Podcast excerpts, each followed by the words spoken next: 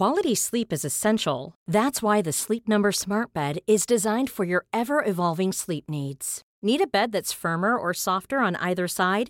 Helps you sleep at a comfortable temperature? Sleep Number Smart Beds let you individualize your comfort so you sleep better together. JD Power ranks Sleep Number number 1 in customer satisfaction with mattresses purchased in-store. And now save 40% on the Sleep Number limited edition Smart Bed for a limited time. For JD Power 2023 award information, visit jdpower.com/awards. Only at Sleep Number stores or sleepnumber.com. Hey, it's Danny Pellegrino from Everything Iconic. Ready to upgrade your style game without blowing your budget? Check out Quince. They've got all the good stuff: shirts and polos, activewear, and fine leather goods, all at 50 to 80% less than other high-end brands. And the best part? They're all about safe, ethical, and responsible manufacturing. Get that luxury vibe without the luxury price tag. Hit up quince.com slash upgrade for free shipping and 365-day returns on your next order. That's quince.com slash upgrade.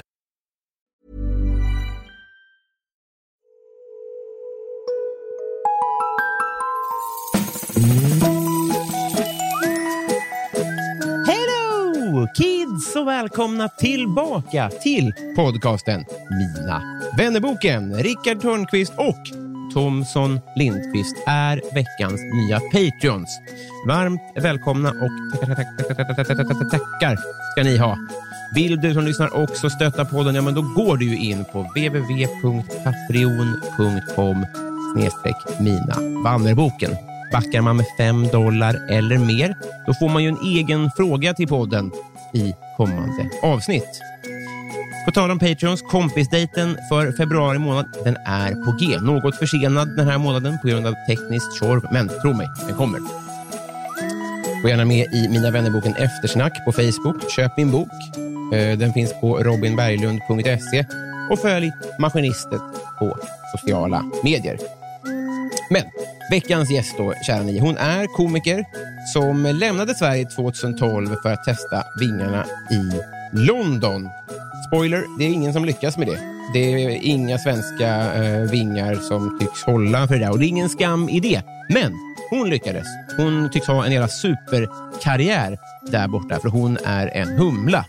Men ibland kommer hon hem också och gör till exempel TV. Ni kanske har sett henne i Slängd i brunnen eller i stand-up sketch show eller i kurs i självutplåning. Just nu är hon eh, vrålaktuell eh, överallt egentligen med podden Rise to meet you som hon gör med kollegan Nigel Eng, också känd som Uncle Roger. Mycket, mycket fint eh, detta. Eh, upp med fötterna på eh, bordet, vettiga ungdomar, därför att eh, 167 sidan i Mina vännerboken Evelyn Mok!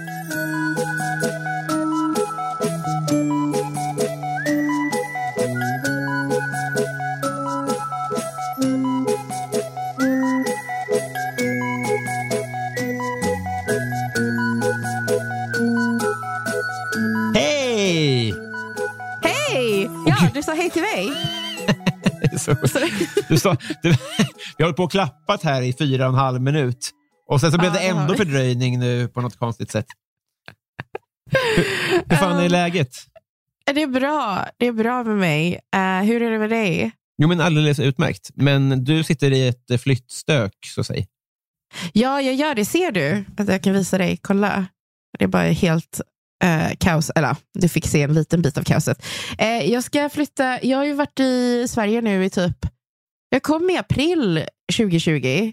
Och sen bara, för jag bor i London vanligtvis. Ja. Och eh, det var bara liksom så här, jag bara, men jag kommer väl åka tillbaka nu i slutet av sommaren eller så här, början av hösten. Och sen bara, nej, det gick inte. Eh, så var jag kvar hela hösten och sen i januari också, bara, men jag kanske åker tillbaka då. Eh, så bara, nej, vi har stängt ner hela England. så nu har jag insett att, och jag har bott hos mina föräldrar hela den perioden. Mm. Och jag har insett att oj, det är snart ett år och jag kan inte bo här längre för att jag är 33 och eh, jag vill inte bo med mina föräldrar och jag saknar att ha samliv med folk. eh, vilket man inte kan ha när man bor hos sina föräldrar. För när, eh, när man bor hos sina föräldrar temporärt, Ah. när börjar det glida över till att det blir jobbigt igen? Precis. Well, alltså, jag tror redan efter typ första veckan, um, så var det för mig i alla fall. Ah. För mina föräldrar är kinesiska. så de är väldigt sådär, uh, de är superpå. Um, och jag tror att de har tyckt om att ha mig här för att det är lite sådär, de kan, börja, de kan liksom mamma mig igen och pappa mig igen. Liksom. Det är klart att man uppskattar att det alltid finns middag lagad och liksom sånt. Men sen så är det också väldigt mycket, liksom, ja, men vad, vad ska du göra nu då? Liksom, vad, och liksom så här, varför städar du inte ditt rum? Och liksom, Nej, säger de det? ja, men lite. Alltså, jag dammsugar, jag dammsugar. Men eh, de, tycker, de hittar ju alltid något att klaga på. Liksom så här, varför bäddar du inte sängen?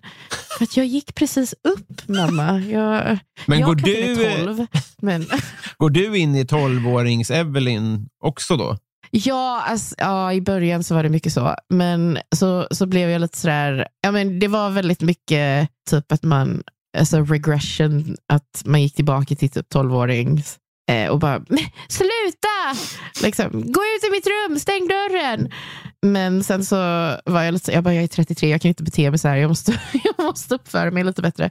Så nu så har jag lite mer tålamod med, eh, med mina föräldrar. Det, det är väl så liksom, alltså, att jag tror att föräldrar är de enda som kan driva en till vansinne och få ut liksom den sidan av en. Så, så här, eh, soldater med nålar också. Soldater med nålar, va? Ja, men de som utpressaren på krigsbrott och sånt. De och föräldrar, tror jag. Men det hör inte hit. Ja. Men, eh, Sicken liknelse. men eh, vad har du, med all respekt, vad har du gjort det här året? Jag frågar mig själv det hela tiden. fråga, Robin? Jag trodde vi skulle ha mina vänner-frågor, sådana här liksom lättsamma, roliga frågor. Kan inte du storma ut? Det vore kul. En existentiell... Ja, precis. Nu stänger jag min laptop. Jag har eh, med all eh, värdighet i takt. Eh, jag har poddat väldigt mycket faktiskt, Mm. vilket jag antar att du också har gjort. Mm.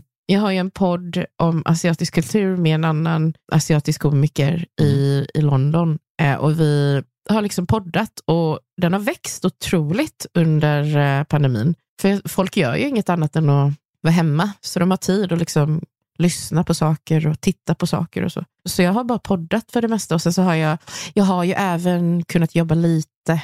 Ehm, så jag har filmat lite i Sverige för att Mm. Sverige har inte stängt ner helt. Och sen så har jag skrivit lite också, manusgrejer för egna projekt som håller på att utvecklas. Liksom. Ehm, så det har varit mycket det. Skulle du klassificera dig själv som en av pandemins stora vinnare? yes! Att det krävdes en pandemi för mig Ja. att lyckas. Jag tror att jag har haft tur faktiskt. Mm. Väldigt mycket tur att kunna jobba. För vi startade podden i oktober 2019 Mm. Och sen så slog det här till i typ, ja, det kanske började väl ordentligt i mars, april liksom. Mm. 2020. Vi bara, men vi måste ju fortsätta med den. Och då har det bara liksom så här plockat, plockat, ehm, plockat igång, eller så här, kickat igång för att folk då har mer tid att lyssna på saker. Så jag tror att ehm, jag har haft mycket tur och jag har haft tur att jobba med, med killen jag jobbar med, för han är otroligt ambitiös och Mm. ehm, duktig. Nu, du är väldigt ödmjuk nu som lägger det på tur och din kollega. Den, den är ju jättebra också. Och du är väl också svindriven, eller? Tack så mycket! Har du lyssnat på den? Ja, såklart. Ja, vad kul.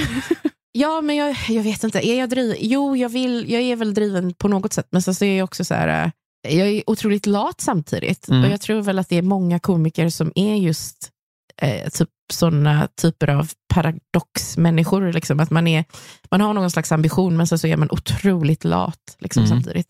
Och, och då har det varit lite att den här, min kollega då har liksom ändå kickat igång och hållit igång och så sådär. Liksom. Mm. Så jag tackar honom för det. Men eh, eh, ja, ambitionen är väl egentligen, det, det tråkiga är ju att liksom, det var väldigt mycket 2020 som vi hade kunnat göra, för vi, vi eh, var bokade för att vara med på Melbourne Comedy Festival i Australien och då skulle vi dit med podden och då skulle vi också framföra våra egna grejer liksom, Mm. som stuppare och så.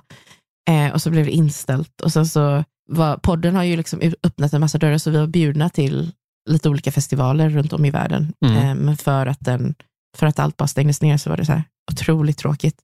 Och ambitionen var väl också att vi skulle försöka göra någon slags liveshow eh, med podden, vilket nu får vänta tills, ja, jag antar 2022. Vilket är, det är så konstigt egentligen. Fast man har ju insett liksom hur mycket, så länge man har internet så har man en publik liksom, som komiker också. Ja. Eh, om man är villig att liksom själv producera och sådär och lägga upp på YouTube. För det finns en publik där ute som vill kon, liksom, konsumera saker. Som komiker så har man sina egna forum som man kan styra lite. Ja, det är nice att det inte är 97 liksom. Ja, men precis. För det hade varit jäkligt svårt att nå ut då, att göra linjär tv. Det, det- var det enda sättet att nå ut, eller scenkonst. Liksom. Ja, Man verkligen. kan sitta i sitt sovrum och bli eh, stjärna. Liksom. Ja, det är ju det jag har, alltså jag är inte stjärna, men det är det jag har gjort. Jag har suttit i mitt sovrum. Hur många lyssnare har ni? Får man säga det? Hur många lyssnare har vi? Alltså vi, vad var det sist? Jag tror att ett avsnitt får kanske eh, 32, 32 000 per vecka. Har vi. Och sen är det också rörligt. Alltså det är Spotify, det är, vad heter det, är YouTube också ju. Ja, precis. Det är YouTube också. På YouTube brukar vi få eh, ja, kring 30 000 per avsnitt. Ja. Jag tror att det är många som lyssnar och sen tittar, vilket är lite, vilket är lite konstigt och roligt. Men, eh, Säg inte det till eh, annonsörer jag bara. Ja, eller hur? Det, är en miljon eh, unika, men det är 30 000 på varje En platta. miljon! I så fall så har du då är du en sovrumsstjärna. Ja, precis. Sovrumsstjärna. Och tur att det inte är sexuellt. Ja, gud, exakt. exakt. Den här Ja. typen av, eh, eh, Han, inte Hannah Montana, Miley Cyrus va? Nej, Ja, av just det. Ja. någon MySpace, eh, vår tids MySpace-stjärna. Va, blev hon stor på MySpace? Vem är det som blev det? Jag kan inte det här. Justin Bieber var väl typ MySpace-stjärna? Justin Bieber var YouTube, tror jag. YouTube. Ja, Han du är vår tids. Justin Bieber. Ja, vad kul. Ja. Härmed dubbar jag dig till det. Åh, jag ser fram emot min breakdown och sen min roast för att komma tillbaka. Ja, fan vad dåligt han gjorde det. Alltså. Tyckte du roasten var dålig? Han var väldigt dålig. Aha, ja, ja, han var det. Men han, han har ju inte självinsikten som krävs. Nej, han har ju ingen personlighet egentligen. Alltså, alltså, han, blev, vad var det? han blev känd när han var 12. Ja. Och jag, har hört det här, eh, jag har hört något slags, eh, jag vet inte om man kan kalla det för ordspråk, men nå, någon sa någon gång typ att eh, den ålder man är när man blir känd är den ålder man stannar vid. Mm. Så han är ju 12-åring som går omkring. Det skulle förklara var- varför Michael Jackson tycker om barn. I så fall. Ja, jo, det är sant. Gud vad jobbigt. På tal vad om jobbigt med Michael Jackson. Ja, vila i frid. vila i frid. Det här är knepigt att prata om. eh, Eller jag, jag vill ju på... eh, Nej, nej, det är det inte. Nu, nu, eh, nu eh, ställer jag till det för mig i onödan. Det är inte alls så svårt. Men det är ju ändå intressant det här med Mm. att eh, din kollega är en av världens kändaste människor och har blivit det under tiden ni har jobbat ihop. Ja. Ska jag nämna hans namn? Ja, Nigel. Nigel, precis. Mm. Nigel Ung. Eh, och han är känd som Uncle Roger på YouTube och ja, i hela världen kanske. Och det är ju det som jag har insett. Liksom. Han har ju bara hållit på på YouTube Mm. och sen hittat, han har gjort massa innan, liksom. han, har gjort, han har hållit på att vlogga och så. Men sen så när han hittade karaktären, eh, den slog ju verkligen. Och, och också att han då, alltså han, han recenserade just en så här BBC fried rice-video. Liksom. Mm. var ju väldigt smart. Eh, och då, det bara slog och sen så gick det av. Eh, och nu så har han, alltså han har ju typ över typ kanske, jag tror fyra fem miljoner följare på sina alla sociala medier. Mm. Han har ju blivit en av de största, det är otroligt spännande för att han, han har blivit så här ett globalt fenomen nästan, Mm. just med den här karaktären. Han har fått liksom fans, eller vad heter det, följare från massa olika kulturer. Just att han är känd i öst samt i väst. Liksom. Mm. Något som man inte tänker på i, eh, i väst kan vara otroligt känsligt i öst. Så det är liksom lite sådana saker som han har fått inse nu, att det, för att folk är från olika kulturer så måste han ta hänsyn till en massa olika kulturer. Mm. Och det har jag sett. Liksom.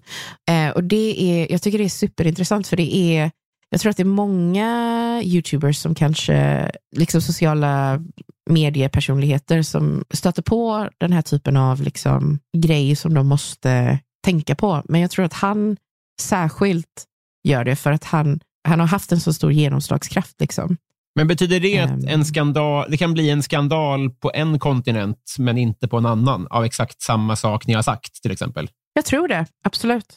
Absolut. Har ni märkt det? Att det är nå- någonting ta- tas emot enormt annorlunda som ni har tagit lärdom av? Liksom? Ja, ja, alltså han var ju liksom i, under hetta för någon vecka sedan. Ja, inte för någon vecka sedan, men typ för någon månad sedan. Så var han ju liksom, eh, eh, under hetta för att han, ja i och för sig, jag vet inte om jag kan prata för mycket om det, men det som är tur är att ingen, eh, alla våra lyssnare är engelsktalande och ingen förstår svenska. Mm. Och för de som förstår svenska så får ni väl, ja, varsågod, varsågod. Eh, men snälla, citera mig inte på det. Kan jag säga det? Jag talar inte för honom på Nej, något nej, sätt. nej, nej. Han var ju med om en kontrovers. Han hade ju råkat kränka sina kinesiska följare Mm. med en grej då. Mm. Eh, och sen så när han försökte korrigera det så råkade han kränka sina västerländska följare Mm. med korrektionen. Liksom. Eh, ni kan googla på det och läsa mer om det. Mm. Eh, för det är otroligt komplicerat. Mm. Och eh, liksom vad han än hade gjort eller vad han än hade sagt så hade det nog spelat ut sig på samma, sak, eh, på samma sätt tror jag. Och det var så intressant att se, för jag var så nära. Liksom. Alltså, jag, jag var inte inblandad på något sätt, Nej. men jag stod, alltså jag stod ju bredvid honom för att vi arbetar, alltså för att vi har podden ihop och så. Mm. Så jag såg liksom vad som hände. Jag fattar hu- hur folk tolkar det, men sen så fattar jag också hur det var att det blev så. Mm. Och han och jag pratade om det. Liksom. Em, så det var så intressant att se det för att det var verkligen för att det var två kulturer inblandade. Och stegen han tog var bara liksom, jaha men det här är kränkande för den kulturen, eh, men inte för den. Men om du gör så här för att, liksom, för att respektera den kulturen som är kränkt, ja men då blir de kränkta. Ja. Liksom, alltså så, här. så det var verkligen till, eh, fram och tillbaka. Och sen så var det också, och det var så intressant för han var ju liksom under en sån storm, men som vi vet så en sån där Twitterstorm eller liksom en sån här sociala medier, alltså cykeln är ju en vecka och sen så är det slut. Liksom. Just det. Men just under den cykeln, då folk var som, då det var som frä, så här färskt i minnet på folk, alltså han fick så himla mycket hat och det var så intressant att se hur folk vände. För det var, det var många lyssnare som vi hade som var, det var, det var nästan de som var de mest ehm, trogna lyssnarna, eller de mest aktiva lyssnarna som var liksom mest på vår sida. De vände ju liksom så här Det var så. Bara. alltså. Ja, och började och ville liksom att han skulle typ dö. Eller du vet, så här, Lynchas. Ja. ja, men lynchas precis. Och det var, det, det var så otroligt intressant att se det, för att alltså, man märker hur sociala medier påverkar det kollektiva eh, beteendet på det sättet. Mm. Folk ansluter sig i, i grupper och folk vill stå på rätt sida av historien, men det är Mm. ingen, som, ingen som reflekterar, ingen som, väldigt få som har kritiskt tänkande just i sådana stunder. Ja, man hoppas att det där är lite av internets barnsjukdomar, typ. att vi kommer bli bättre på att hantera det. Ja. alltså. Men en annan Ja. grej, eh, det jag tänkte på primärt Ja, är, jag gissar att hade man bara frågat dig rakt av vad det gör med en att ens kollega blir apkänd eh, samtidigt som en själv, så är det bara positivt. Men jag tror inte att det är det. Jag tror att det är bara positivt. Alltså, det är lite som man väljer att se det tror jag. Mm. Lite ens inställning. För jag, alltså jag personligen eh, tar det positivt för att han, eh, ju mer han syns, eh, desto fler kommer till vår podd. Och sen så får jag synas också. Mm. Eh, och det är väldigt intressant att stå lite vid sidan av och se någon få en sån otrolig, eh, få ett sånt otroligt kändisskap. För det är ju lite så här, när man har tänkt på komiker och liksom så här, eh, när man har jobbat som komiker och man har tänkt så här, ah, men jag vill lyckas och lyckas. Jag tror oftast att man liksom blandar ihop eh, själva grejen av att lyckas, vilket är alltså själva grejen av framgång med kändisskap. Mm. För, för att lyckas och framgång är lite, alltså det är ju lite vad du definierar det Mm. till att vara. Liksom. Eh, Just nu, jag lever på humor. Jag, alltså jag kan sitta i mitt sovrum och, och, och göra grejer och jag får en inkomst. Mm. Så jag tycker att jag är liksom relativt framgångsrik på det sättet för att jag, jag lyckas tjäna pengar på det jag vill jobba med. Mm. Men sen så är det också så här, kändisskap är ju liksom så här att det är ju den här grejen av liksom the Kardashians eller liksom att man ska vara så känd som möjligt. Mm. Och jag tror att man alltid har associerat ens framgång som komiker med kändisskap, absolut, när man var yngre. För sen när man faktiskt, och man romantiserar det självklart kanske, men sen när man faktiskt ser det, eh, så som han har gått igenom det, det har gått otroligt snabbt. Mm. Och det har gått otroligt, ja, helt otroligt att han är känd eh, alltså, överallt. överallt. vi är. Till och med i Sverige så var det folk som kom fram till honom och bara, hej Uncle Roger, vi vill ta en bild och sådär. Det har varit väldigt intressant att bara beskåda hur folk beter sig mot honom och hur, eh, hur han sen också beter sig. Liksom. Och vad det gör för hans psyke. Vad gör det med honom, så att ego. säga? Eller vad gör det med en människa, skulle du säga, som ser det utifrån? Fort. Ehm, Med en människa, jag tror att eh, om man, som tur är, så är han en av de mest mentalt stabila människor jag känner. Mm. så han har tagit det här otroligt väl. Mm. Men jag har, jag har ju märkt av också, så här, alltså, jag tror att om någon hade varit lite mindre säker i sig själv än vad han är, ehm, så tror jag att det definitivt hade liksom förväxlats med bekräftelse. Och så fort, det kändis, alltså så fort ditt kändisskap är lika med ditt bekräftelse, så tror jag att det kan gå riktigt illa. För då Mm. är det att du, är, du måste ha det. Om det tas ifrån dig så, så försvinner allt det. Mm. Och han har ju alltid gått igenom det här och sagt, liksom, han bara, jag vet att det här inte är, det här är inte liksom, det här kan tas bort, det här kan försvinna liksom, hur, hur snabbt som helst. Mm. För han fick det så snabbt, så det, det är klart att det kan försvinna så snabbt. Så jag tror att, eh, jag tror att det, kan ha väldigt, det kan vara väldigt läskigt om det är just kändisskap man vill åt. Liksom. Mm. Det är klart folk tycker om att bygga upp en, men sen så tycker de jättemycket om att ta ner det igen. Liksom. Och ingen kommer bry sig efter ett tag. Du är med i en nyhetscykel lite. Och du har ju rätt. Och, det, eh, och det, det spiller ju verkligen över på dig och folk upptäcker hur bra du är också. Men jag vet ju att hade det varit jag, Ja. alltså, eh, om, om jag poddar med någon eller jag jobbar med någon och som bara spoff så exploderar den. Jag hade förgåtts Mm. av avundsjuka. Nej, men hur, hur tacklar man det då? För att, och det har ju spilt över på dig såklart.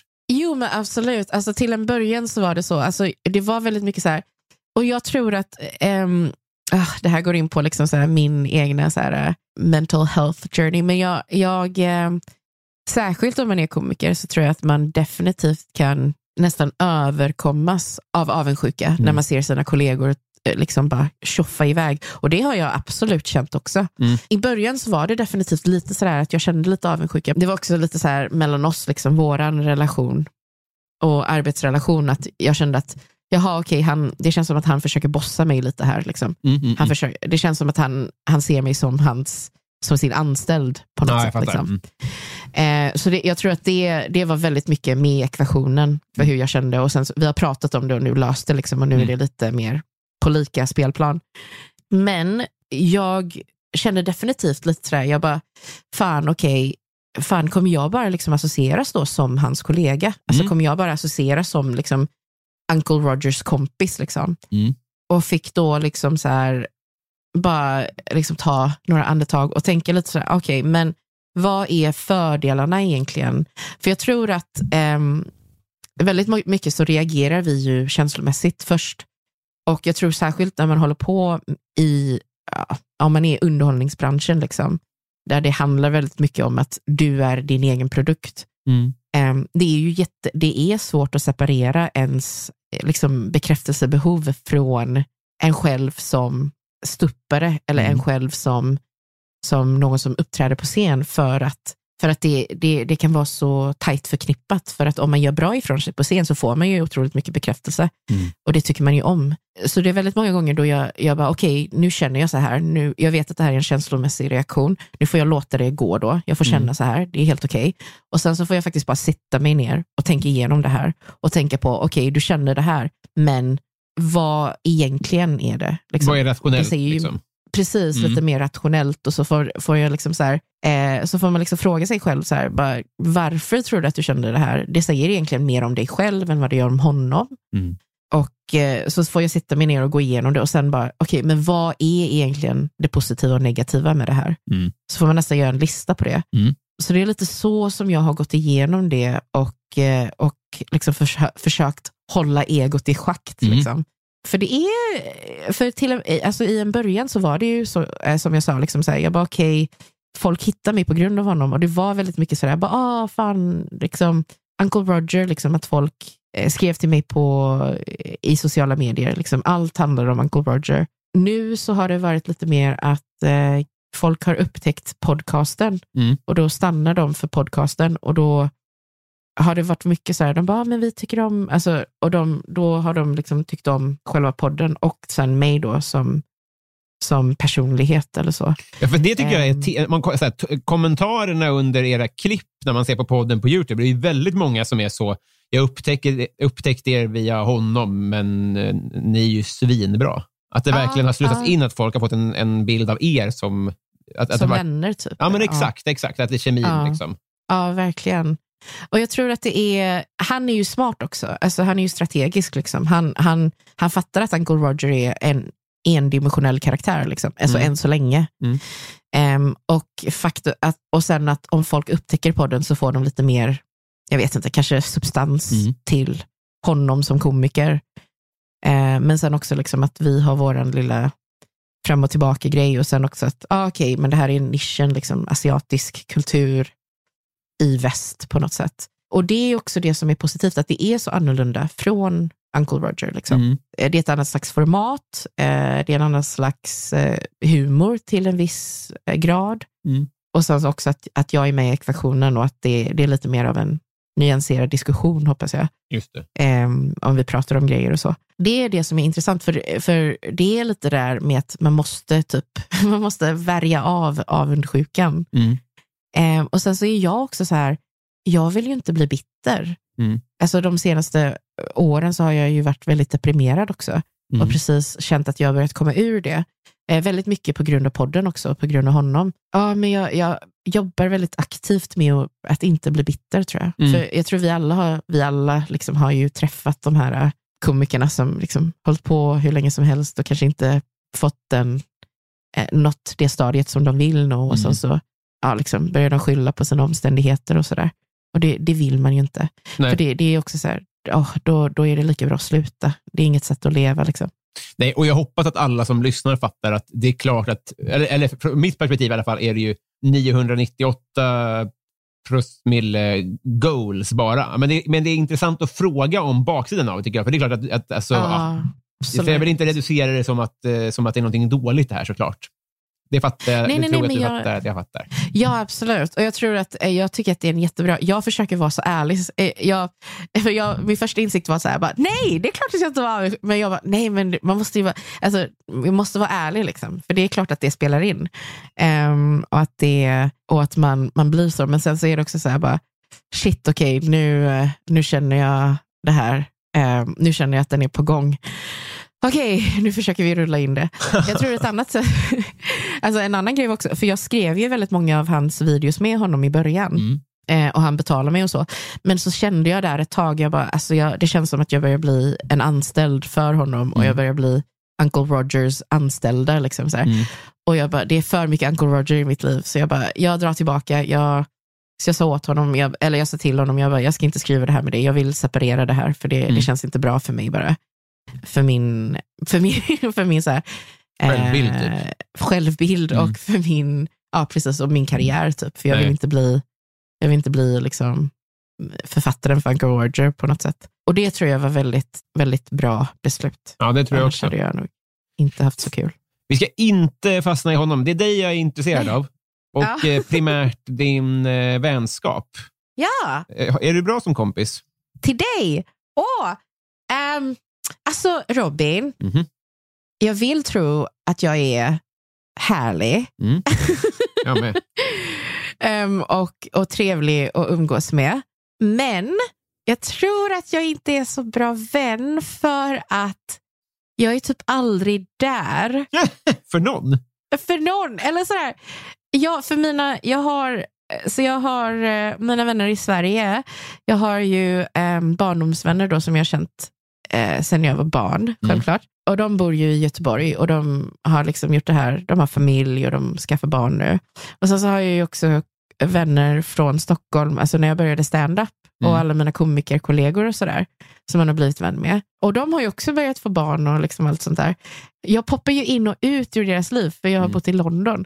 Så jag, jag känner att jag inte är, jag tycker inte att jag är en så bra vän för att jag, jag, jag är ju inte där. Alltså jag är inte typ, jag kan inte bara gå och ta en fika med någon och lite sådär, tycker jag. Så jag, jag, eh, jag Ja, vill fast bli du har ändå bättre. jättebra bortförklaring. Vi är många som, fast man bor nära någon, inte finns där för dem. Så det är, jag tycker att det är Ah. lättare med dig, för man vet förutsättningarna från början. Att du kommer att poppa in då och då. Ja, det är sant. Det är sant. Så jag tycker inte att det ligger Det till din nackdel egentligen. Det finns en tydlighet i att du bor i ett annat land. Ofta. Ja, vad bra. Det är en bra ursäkt då.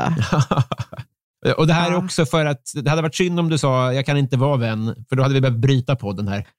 Det blir lite korta avsnitt. Så jag måste gå i försvarsställning direkt. Ja. jag vill inte vara din vän Robin. Nu stänger jag laptopen igen. Hörru, du, eh, ska vi prova att bli kompisar? Ja! Fan vad härligt. Jag drar i jingeltråden och sen så vi, vi testar vad tyglarna håller för helt enkelt. Ja, vad kul.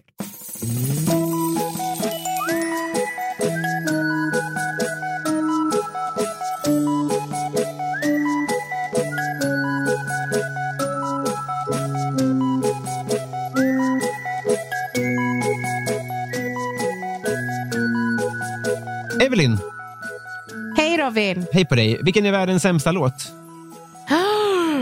Åh, ehm, åh, alltså jag vet inte. Jag tycker ju väldigt mycket om dåliga låtar för jag Mm. tycker de är så roliga.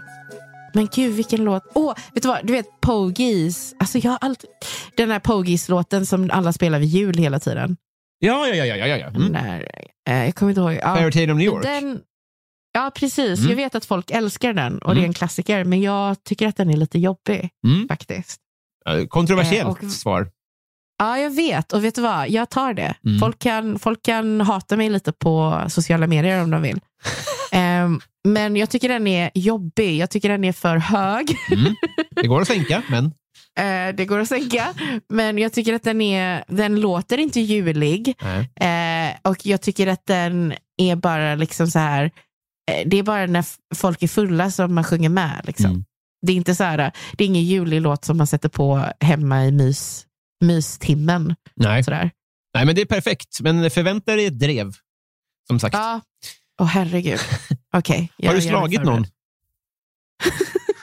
Jag har slagit, alltså när man var barn så slog man ju liksom sin lillebror. Mm.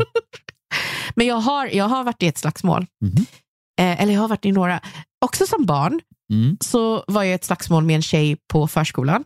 Jag kommer Mm. inte ihåg hur det började, men vi beslöt oss för att vi skulle slåss. Mm. Och då kommer jag ihåg att jag stod, vi stod mitt emot varandra sådär, och liksom så skulle gå, och så gick vi mot varandra sådär, lite sakta. Och jag bara, okej, vad kommer hon göra? Och så, så, jag försökte liksom så här, eh, förbereda mig på vad hon skulle göra så jag kunde skydda mig. Och sen helt plötsligt så sparkade hon mig i fittan. Nej. jo, jo, och jag bara ah! Och, och så, var liksom, så var det slut. Alltså, så i- vann. I filmen om ditt liv så Ja. är det här en väldigt viktig scen. Ja, ja, det Alltså är det. turnéspelet. Det kanske, men gud, det kanske förklarar varför jag kör så många skämt om min fitta. Kanske det. ah, vad roligt. Alltså, man ser framför sig så här Ehm. medeltidsveckan fast för barn. typ. Hur ni går mot varandra. Ja, och det var typ ingen publik heller.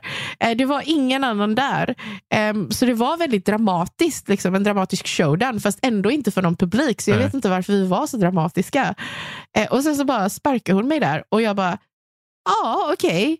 Alltså, ja du vinner. Och Jag vet inte hur hon lärde sig att hon skulle göra så. Nej. Väldigt, jävlar vad, vilken vinnare. Ja, om du lyssnar på den här podden, jag kommer inte ihåg vem du är, men om du lyssnar så hör av dig så kan vi kanske Hon är ju Ja, sultan du kommer ihåg att du nu. sparkat, sparkat en sexårig eh, kinesisk flicka i fittan på dagis. Hör av dig. Ja, verkligen. Den, där, den eh, förskolepedagogen sitter inne nu. Ja, men, ja, det var den enda publiken. Ja, precis. Det var, hon var den enda som tittade. Om du fick en kostnadsfri, riskfri operation. Oj. Mm. Alltså, jag tror ju inte på kosmetisk operationer. Nej. Alltså, jag, jag vill inte, men jag har kollat väldigt mycket på så här koreanska draman och Sydkorea är ju ett av de ställena där folk plastikopererar sig som mest. Mhm. Och alla de här människorna i de här eh, koreanska dramana, alltså, de är ju så himla vackra. Mm. Och jag blir lite så här, jag bara, alltså, man kanske ska försöka få en mindre näsa. Men Mm. jag vill säga, alltså, jag är ju överviktig eh, och eh, tydligen så har jag ju massa fett runt mina organ. Mhm. Och jag trodde att det var bra för att liksom, de skyddar organen, fast det gör de ju inte. De stryper ju organen. Mm. de, stryper, de stryper ihjäl dem. Mm. Ehm, så kanske om man skulle ta en sån operation där de kan ta bort fett, eh, fettet runt mina organ. Ja, just det. Du behöver ju inte ta en kosmetisk, eh, men det här var och för sig inte kosmetiskt. Det här var ju för att rädda organen ja, om du vill det. Ja, Och välja ja, helt fritt. ja, faktiskt. Ja, rädda mina organ från fett. Låter som en gala. Ja. kan Danny Saucedo sjunga, Ja, det fixar vi. sjunga på Man den galan? Ja. kan bli så leverfadder. Ja, precis. Rädda Evelyns lever. Det är helt fantastiskt. Ja, det här vill jag se. Eh, coolaste följare? Coolaste följare? Mm. Får jag skryta nu då? Det är syftet. Okej. Matt Gorley, som är Conan O'Briens producent, Oh jävlar! följer mig Mm. på Twitter. Ronnie Cheng följer mig. Eh, vilket jag tycker är kul. Och sen vilka fler? kan Rodney jag skryta med fler? Cheng. Nu ska jag googla här. Ron Hey, it's Danny Pellegrino from Everything Iconic. Ready to upgrade your style game without blowing your budget? Check out Quince. They've got all the good stuff shirts and polos, activewear, and fine leather goods, all at 50 to 80% less than other high end brands. And the best part? They're all about safe, ethical, and responsible manufacturing. Get that luxury vibe without the luxury price tag. Hit up quince.com slash upgrade for free shipping and 365 day returns on your next order. That's quince.com slash upgrade.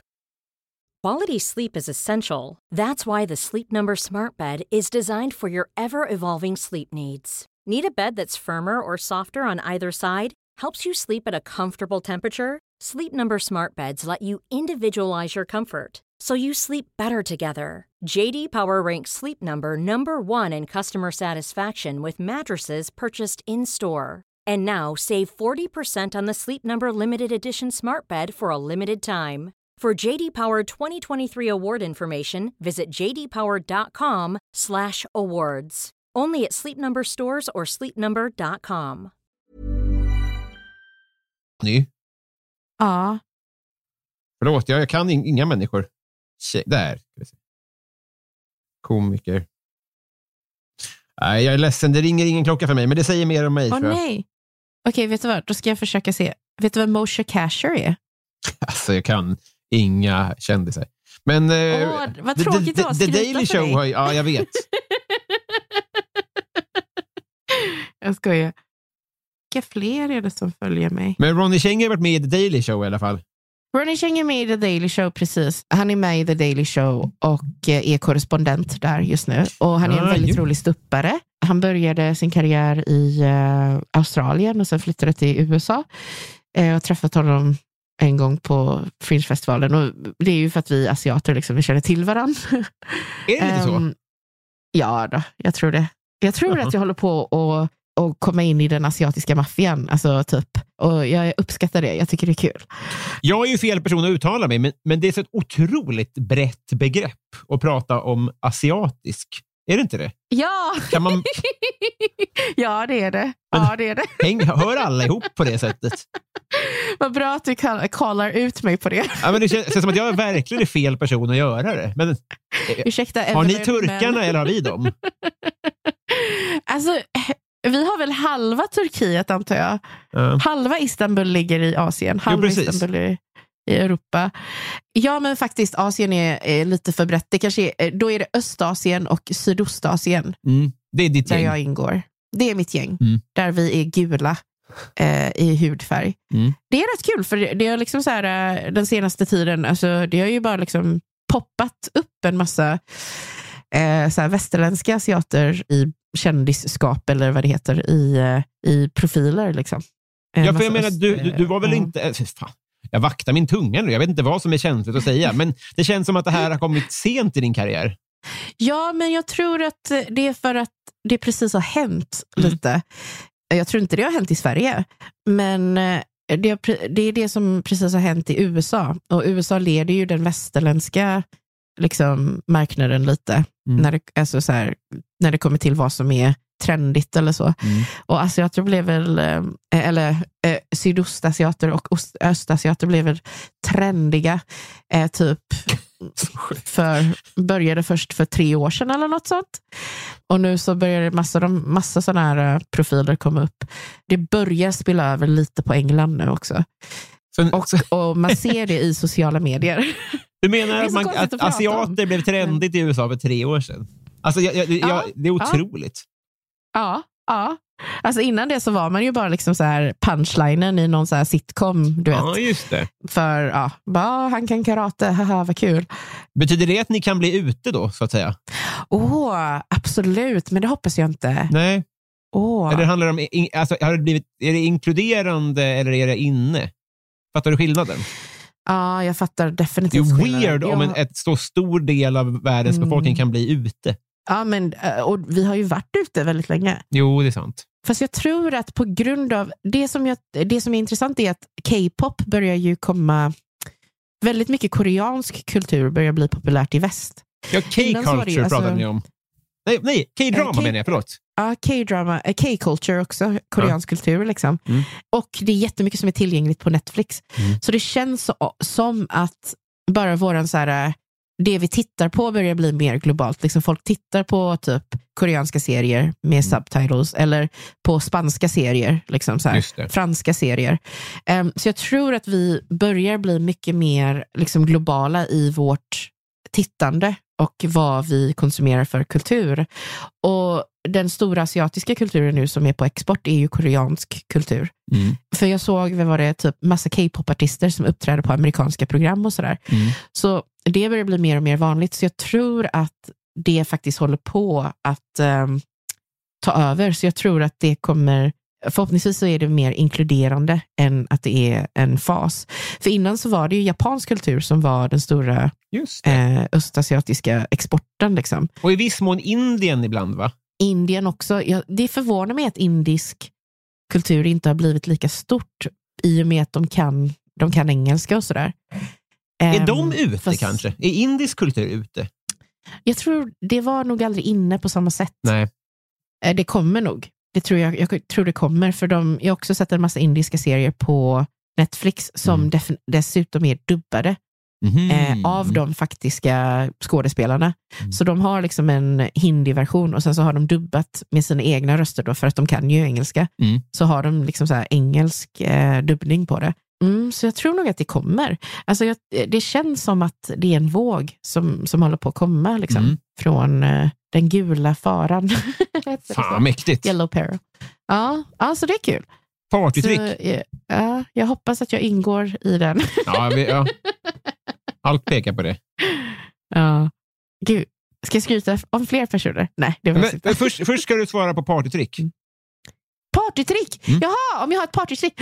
Jag upptäckte det faktiskt, för jag, mitt, så, mitt vänstra öga Mm. är lite eh, skel, skeligt. Mhm. När jag var barn så skelade jag. Eh, mitt vänstra öga är mycket svagare än mitt eh, högra öga. Mm. Så min primära så här, synfunktion är genom mitt högra öga. Mm. Och jag har inte haft glasögon. ehm, och jag har precis skaffat glasögon. Så nu när jag tar på mina glasögon så märker jag eh, att jag kan se bättre med mitt vänstra öga. Men när jag gör det så blir jag skelögd. Så grejen är att jag ser bättre, men jag ser ut som att jag inte ser bra. No way. Så det är lite mitt partytrick, för nu fattar jag hur jag gör det. Så jag kan, om jag fokuserar med mitt vänstra öga eh, och liksom bara tittar ut ur det, då blir det att det vänstra ögat skelar. När jag tittar upp till sidan Mm. och sen tittar ner igen, så brukar ögat fastna där ibland. Men jag märker inte det. Så brukar Det folk få säga till mig. Så får jag... Så lat öga. Visste du att man, att, man, Mm. att man andas genom en näsborre i taget? Va? Ah, så jävla sjukt. Så de Oj, växelverkar. konstigt. Jaha, det, var, ja, det visste jag inte. Det hör inte hit. Vem är Sveriges roligaste? Petrina Solange. Mm. Det är ju rätt i sak. Ja, Jonathan Unge. Mm. Robin Berglund. finns inga pengar att hämta här, är jag rädd. Vi ska ju bli vänner. Exakt. Jag får, jag får fjäska lite.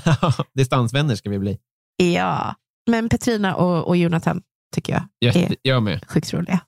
Har du gjort lumpen och varför inte? För jag är tjej, så jag har inte gjort den. Vi hade tio i min Men- lump, så det är inte omöjligt. Ah! Jag tänkte på det, jag, bara, jag kanske borde gjort lumpen, Mm. för man hade lärt sig lite disciplin. liksom.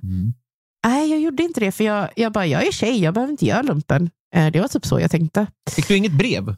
Nej, jag fick inget brev. Får man det som tjej? Nej, alltså det är ju så himla olika när man är, vilket år man är född. Ibland så... Ja, jag förstår. 87 är jag född. Mm. Ehm, jag tror att de tog bort eh, plikt, pl, eh, vad heter det? plikttjänst. Ja, De det tog bort att det värnplikt. värnplikt. De tog bort det eh, typ strax innan jag blev 18 tror jag. Mm. Så min bror behövde inte heller göra lumpen. Jag tror också det är lite att jag är lite sådär, jag, jag, jag tycker det är så konstigt med krig. Eller jag, jag tror att det är liksom, jag är lite sådär, För jag är tokig i skiten, det ska jag veta. du älskar krig! Åh Robin! Vilka länder säljer vi vapen till? Nej, jag kommer ihåg att jag bara grät hela tiden. Jag var asolämplig för det där. Nej! Gjorde, så du gjorde lumpen? Mm. Oj! Alltså det är hårt liksom, men det är ju liksom så här... Fast det, är det inte betryggande att känna, liksom, man vet att Sverige inte och troligtvis inte kommer att ingå i krig. Jo, verkligen. verkligen. Jag tror att det är Så- mycket så värre måste- att, göra lumpen i, eh, Sydkorea, ja, verkligen i Sydkorea. Visst har de så tre år? va? två. Det Två två. ja. Och Nordkorea har tio. Men de gills knappt. Jävla Ja, anomali. eh, när var du med i tv första gången? Oj! Åh herre min gud. Mm. När var jag med i tv första gången?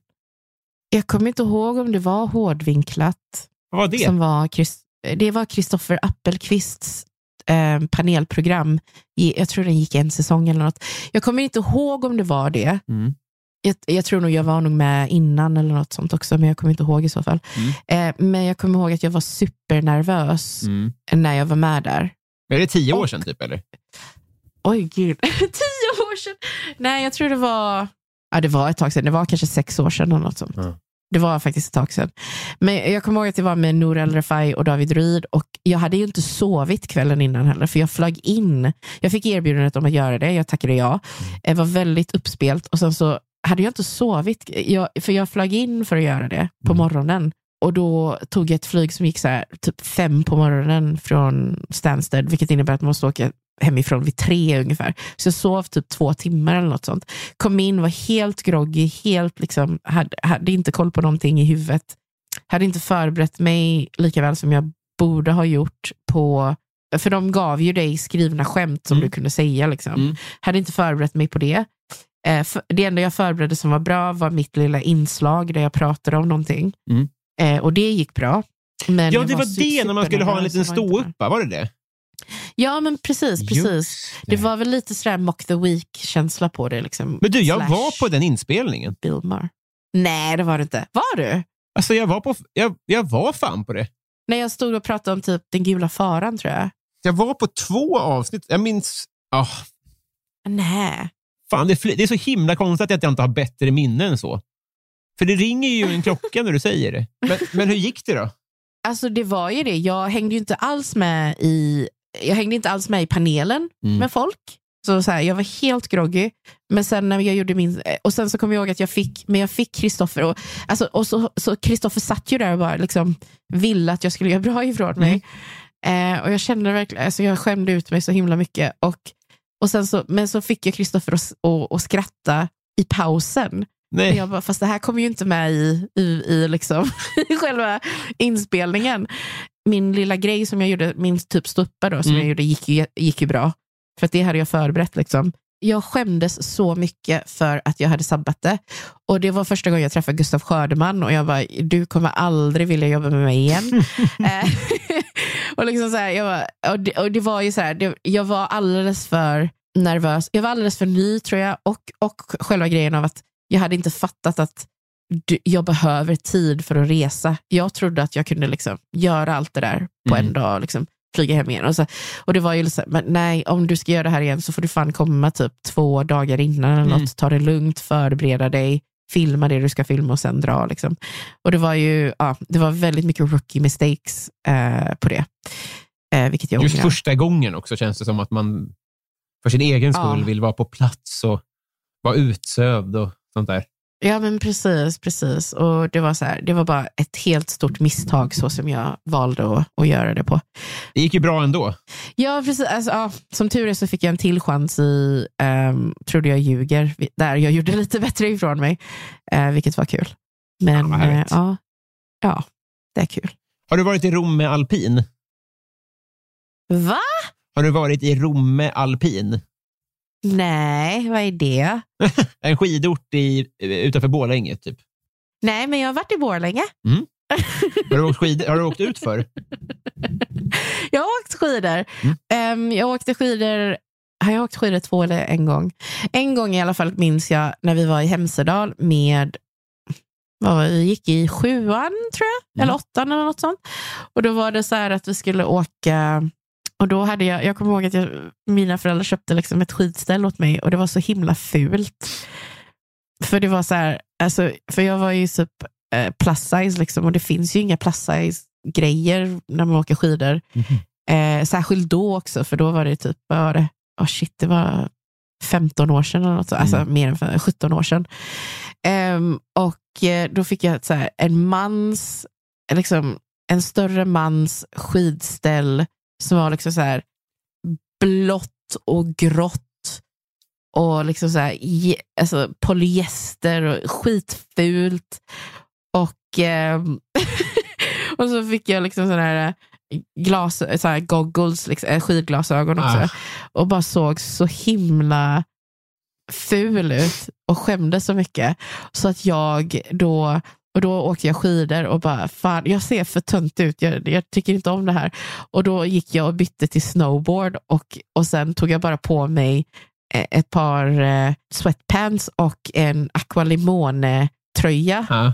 och bara nu ska jag åka snowboard och så och tyckte att jag såg cool ut. Jag såg ut som en idiot för att det var alldeles för kallt. Och, och sen så ramlade hela tiden för jag kunde inte åka snowboard för att jag satt fast och fick panik. liksom. Och det var ingen rolig skidresa. Jag kommer också ihåg att jag blev så torr i hälarna på den skidresan att, eh, att mina hälar sprack. Och det var inte kul alls. Åh, Stackarn alltså. Aldrig åkt skidor sen. Jag kan inte nog betona att nu har vi kommit fram till eh, Patreon-frågorna. Kul. Kul, kul, kul, kul, kul. Vi ska se vad de kära lyssnarna som har eh, kosing har att ställa för frågor. Vi börjar med en ny, Ja. trodde jag. Ja. Han hade inte skrivit någon fråga än. Vi får, vi får be Tom som Linkvist återkomma med en fråga, för han har blivit ny Patreon i alla fall. Så då tar vi någon annan så länge. Vi börjar med eh, Martin Lundberg som undrar, har du körkort? Jag har körkort. Mm. Jag gillar att köra bil. Men folk gillar inte när jag kör bil. Eh, min, mina föräldrar, eller min familj, tycker att jag kör eh, dåligt och hänsynslöst. Och mina kompisar tycker att jag kör som en tjuv. Vad är det? Så jag, alltså, eh, Emma Knyckare sa att jag kör som en tjuv, att jag sitter så här och kör. Att eh, jag sitter liksom så här hukad framför hjulet och, och kör. Liksom Gömmer dig för kameror, väldigt typ? snabbt. Vad sa du? Som att du gömmer dig för kameror, typ. Ja, men precis. Jag gömmer mig för kamerorna. Eh, men jag, jag gillar att köra bil, tycker om det väldigt mycket, har saknat det väldigt mycket i London. Mm. Och det, det tråkiga är ju att för att jag är så orotad, liksom, alltså jag, jag har ingenstans som är ett permanent hem, eh, så innebär det att jag inte kan äga en bil för, Mm. för att det är onödigt. Men för ett svenskt körkort funkar där? Eller Jag fattar inte det där. Ja, det funkar ju i EU, men nu när de har gått ur EU så är man ju lite sådär, okej, jag vet inte riktigt hur det här ska funka. Men de kör ju på andra sidan också. Ja, av, av vägen. Så det är lite, jag har aldrig kört där. Jag kanske bör göra det, men jag har aldrig kört där. Jag har bara skippat det. Och, och London inte trevligt att köra i. Finns det något mer konkret som ditt liv har försämrats av Brexit? Ja, pappersarbete. Är det mäckigare? ja, nu, jag håller på och ansöker om, eh, det är inte uppehållstillstånd, men det är typ så här, eh, om man är EU-medborgare så kan man ansöka om att få stanna om det är så att man har liksom bott där innan, folk, innan de gick ur Brexit. Mm. Och om du har bott där i mer än fem år, vilket jag har gjort, så, eh, så har du rätten till att stanna. Liksom. Men då måste jag förse dem med bevis på att jag bott där i mer än fem år. Och det trodde jag att jag hade nu, men så de bara, vi behöver mer bevis. Bla bla. Så det är liksom så här, det, och, och grejen är, jag, jag har ju inte sparat alla de här grejerna som jag bör ha, ha sparat. På det sättet så har det varit eh, lite jobbigt. Och jag, jag har inte rest än eh, efter att Brexit har gått igång. Så eh, vi får se hur det blir. Det är nog det enda som har varit jobbigt med Brexit. Erik på Bistro Bromma undrar, hur är din relation till djupt vatten? Djupt vatten? Mhm. Jag är jätterädd för djupt vatten. Min, alltså, eh, min största eh, skräck, eh, min största så här, rädsla Mm. är att, att, att fastna i sjöss. Alltså att liksom bli så här, att man är någonstans och sen så helt plötsligt, åh nej, det finns ingen olja i båten, eller liksom, båten kan inte rulla. Och så fastnar man i sjöss Ja. och så, är det bara, och så ser man bara vatten omkring sig. Ja. Det tycker jag är jätteläskigt. Det låter vidrigt. Men det, Någon- har de inte signalsystem och skit kan- då? Så det kom, har, finns det inte något signalsystem eller skit som gör att ni kommer någon helikopter och räddar er då? då? Jo, men jag, hopp, åh, jag hoppas det. Eh, Det där löser ni på båten. Ja, det kanske det finns. Det låter faktiskt mer, det låter vettigt faktiskt. Rimligt.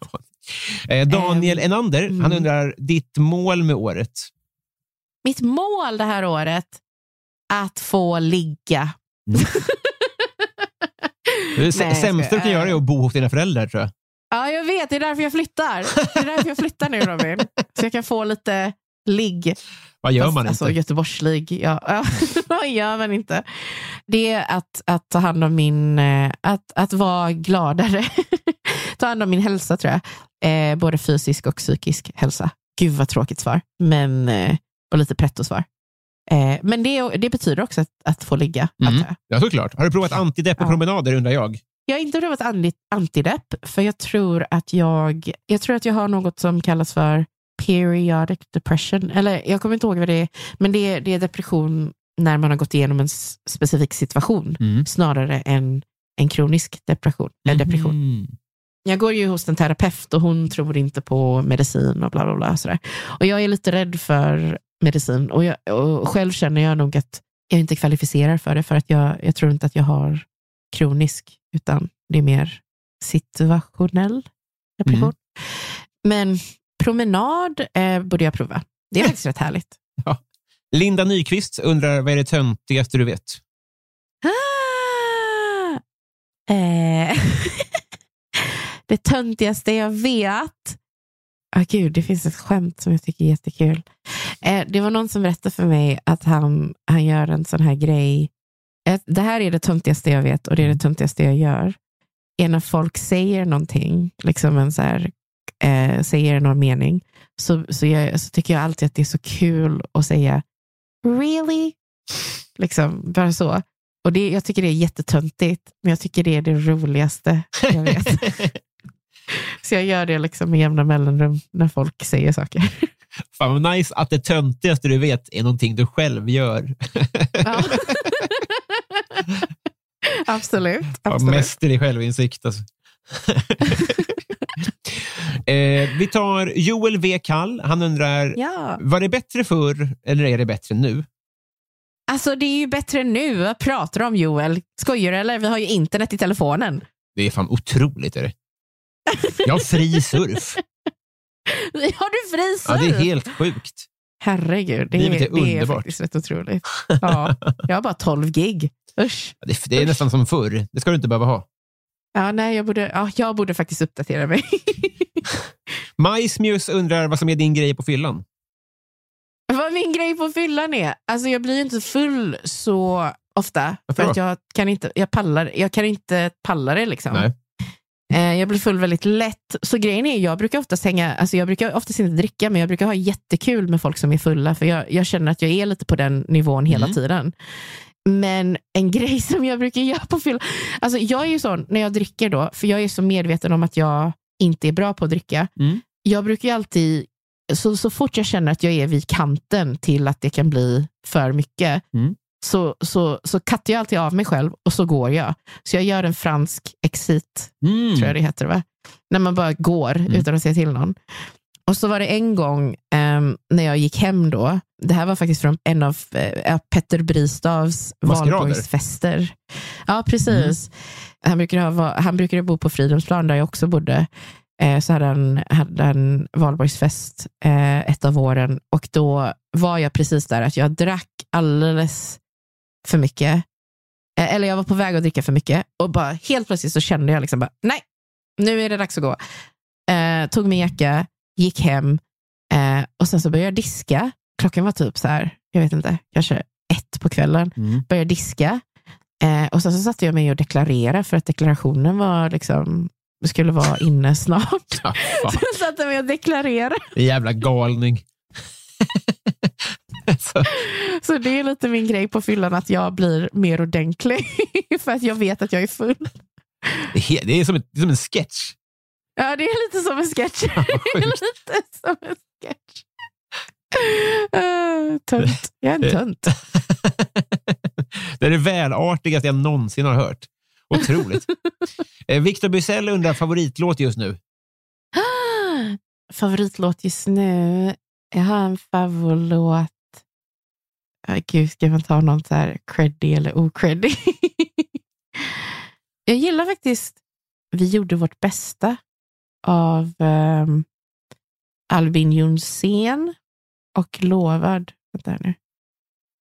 Heter hon Lovad? Vi gör så här. En, två, tre, fy.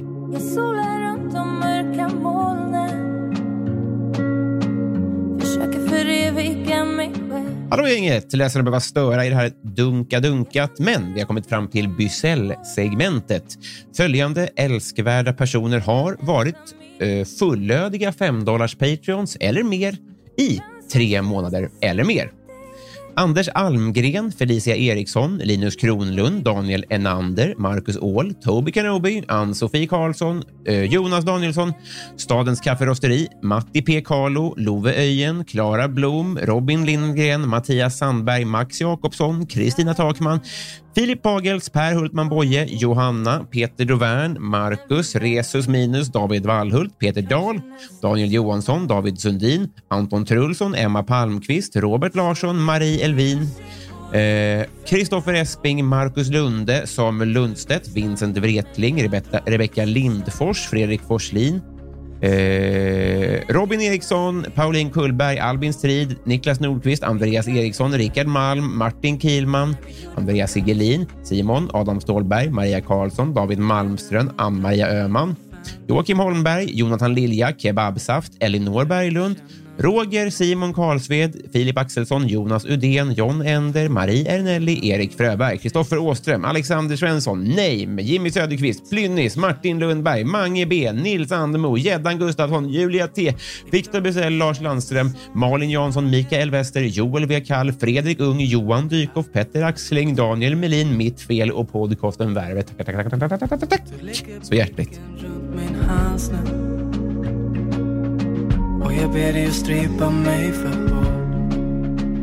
Jag svär att någon dag kommer himlen öppna. Men vi väntar Kanske nästa sommar. Stå bredvid och se på hur vi fejdar bort. Du vill stanna men jag drar ett sista blås. Släcker gick aldrig och röda Men vi gjorde vårt bästa Stå bredvid och se på hur vi fejdar bort Du vill blunda men jag känner bara hopp Släcker ner den ljuva Strålande. Ja, den är fin tycker jag. Eh, vi tar två stycken från podcasten Värvet här då.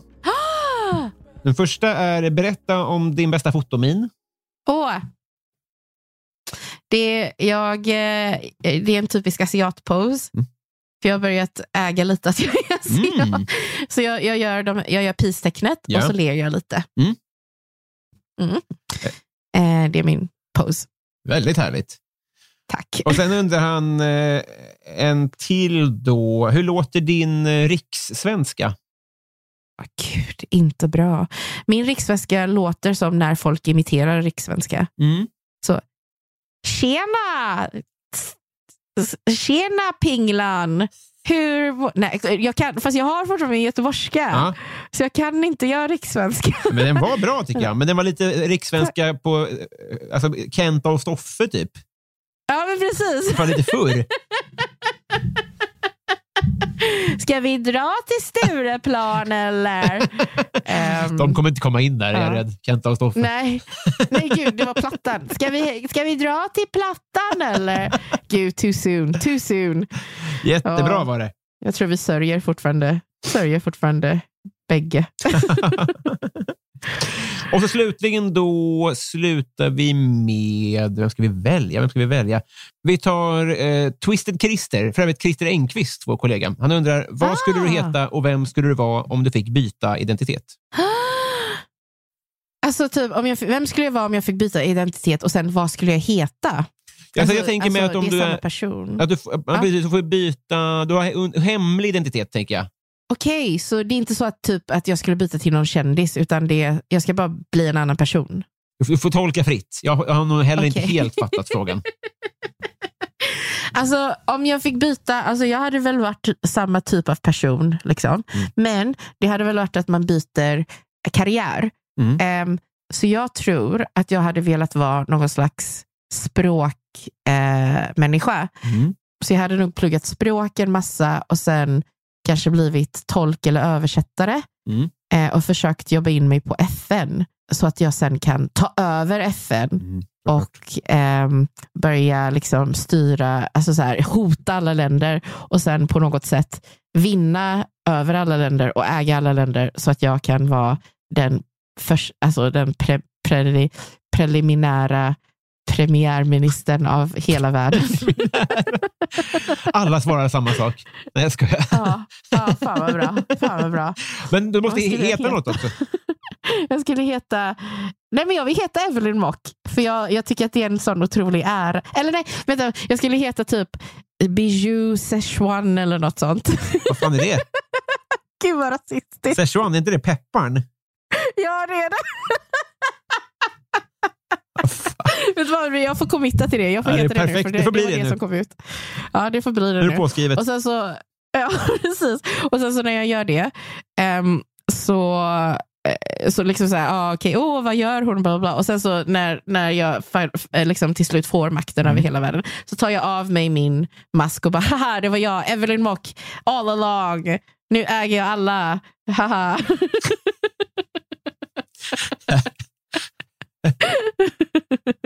Goals liv. Från tolk till jag eh, diktator. Ja, precis, precis. Och sen så bara, ni kan inte snacka skit om mig för jag kan alla språk. Just Så det! de som, så de som snackar skit om mig kommer liksom, jag kommer ta hand om dem. Ja, det här har du Jag tänkt kommer, bara ta igenom. in, i- jag kommer ta in dem i ett rum och bara, varför tycker du inte om mig? Så sparkar de i jag fittan. ja, vill du ha guld? Jag kan ge dig guld. Tyck om mig bara. kommer vi förstå att det här kommer från ett stort bekräftelsebehov och sen så kommer folk bara, åh, men vi sympatiserar med henne för att hon, eller vi empatiserar för att hon vill egentligen bara bli älskad. Bara, ja, ja, det är egentligen bara det. En perfekt plan, Robin. Perfekt plan. Du har knäckt det. Hörru du, eh, Szechuan, vi har blivit kompisar. Ja, ja har vi! Jajamensan. Ah, Vad kul! Jag var så nervös. Ja, jag har satt på nålar hela tiden. Har du någonsin sagt nej till någon då? Ehm, jag har valt att spela... Nej, egentligen inte. Men jag väljer ju bara med andakt. Jag skulle ju inte välja någon som jag knappt vill bli kompis med. Ja, men det låter bra. Det låter faktiskt... Det är okej. Mm. Då, då, det här känns bättre då. Skönt. Oändligt eh, tack för att du tog dig tid. Jag tänkte kolla, vill du ju eh, göra reklam för någonting här som, som, som slutord? F- först vill jag tacka dig för att jag får vara med, för vi har ju försökt få ihop det här hur länge som helst. Sex, sju år Men- känns det som. Ja, men jag tror faktiskt det. Ja. Jag tror det har varit så länge. För att, men, och sen så har det aldrig gått för att jag eh, är så dålig på att höra av mig och reser så mycket. Och, Det eh, är två planerar-miffon som jobbar tillsammans. Då är det svårt att få till ett Ja. möte. Ja, men precis. Ja, vi liksom så här, det, det är alltid så här, eh, jag- du lyckas alltid höra av dig efter att jag har dratt, men jag, jag lyckas aldrig höra av mig till dig innan jag kommer. Liksom. så det har varit dåligt planerat. Men nu när vi kan göra det så här så kan vi göra det. Jag kan komma tillbaka igen nästa vecka. Nu har vi fått mer kan smak. vi se om du fortfarande vill vara vän med mig. Ehm, men tack så jättemycket. Och, eh, ni kan ju lyssna på Rise to Meet You Mm. podcast om ni vill det. Lyssna på vad det är vi, har, vi pratade om i början av podden. Exakt. Det, ska få. det är så jävla Mm. konstigt, om, för att eh, på, på iTunes, när man Mm. ser eh, betyg, Mm. då ser man bara i det landet. Vilket gör att... eh. Så jävla, för det gör att er podd ser mycket mindre ut än vad den är. Ja, Det är faktiskt. Alltså, det är ju det, ja, det är jättekonstigt. Man kan ju bara se, eh, som du säger, det landet. Så det, det är verkligen så här bara, och vi märker ju, liksom, alltså, vi har ju mest i, i eh, England och USA och sen i Singapore av någon anledning. Mm. Men eh, när man tittar på liksom, våra statistik på Audioboom, där vi hostar vår podd, Mm. så ser man ju liksom vilka länder som, som lyssnar mest. Just det. Sverige är med i topp fem, men inte... Eller är de det? Nej, de kanske inte är det. Men jag vet att Sverige är med i alla fall, i topp 10 kanske. Men nu går vi för medaljplatsen, kan jag säga. Ja, ja, ja. Vi ska ta hem den här pengen. Ja, det ska vi. Men vi, vi ska Ska vi lyssna. göra Ska vi göra någonting annat? Ska vi följa dig eller kolla på något eller så? Ja, kom på Instagram. Kom till mig på Instagram. Mm. Jag tycker om Instagram. Det är kul där. Då kommer vi. Kom. Tack för att du tog dig tid. Tack för att jag fick vara med. Lycka till med flytten. Tack så mycket. Hej då! Hej då!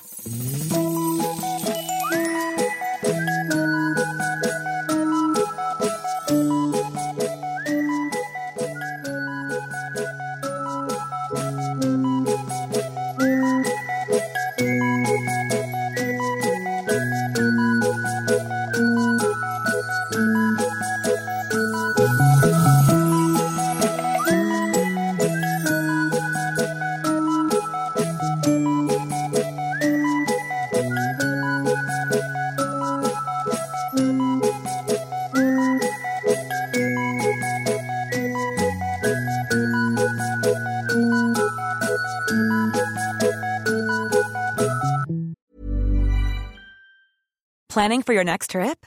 Elevate your travel style with Quince. Quince has all the jet setting essentials you'll want for your next getaway, like European linen, premium luggage options, buttery soft Italian leather bags, and so much more. And is all priced at 50 to 80% less than similar brands.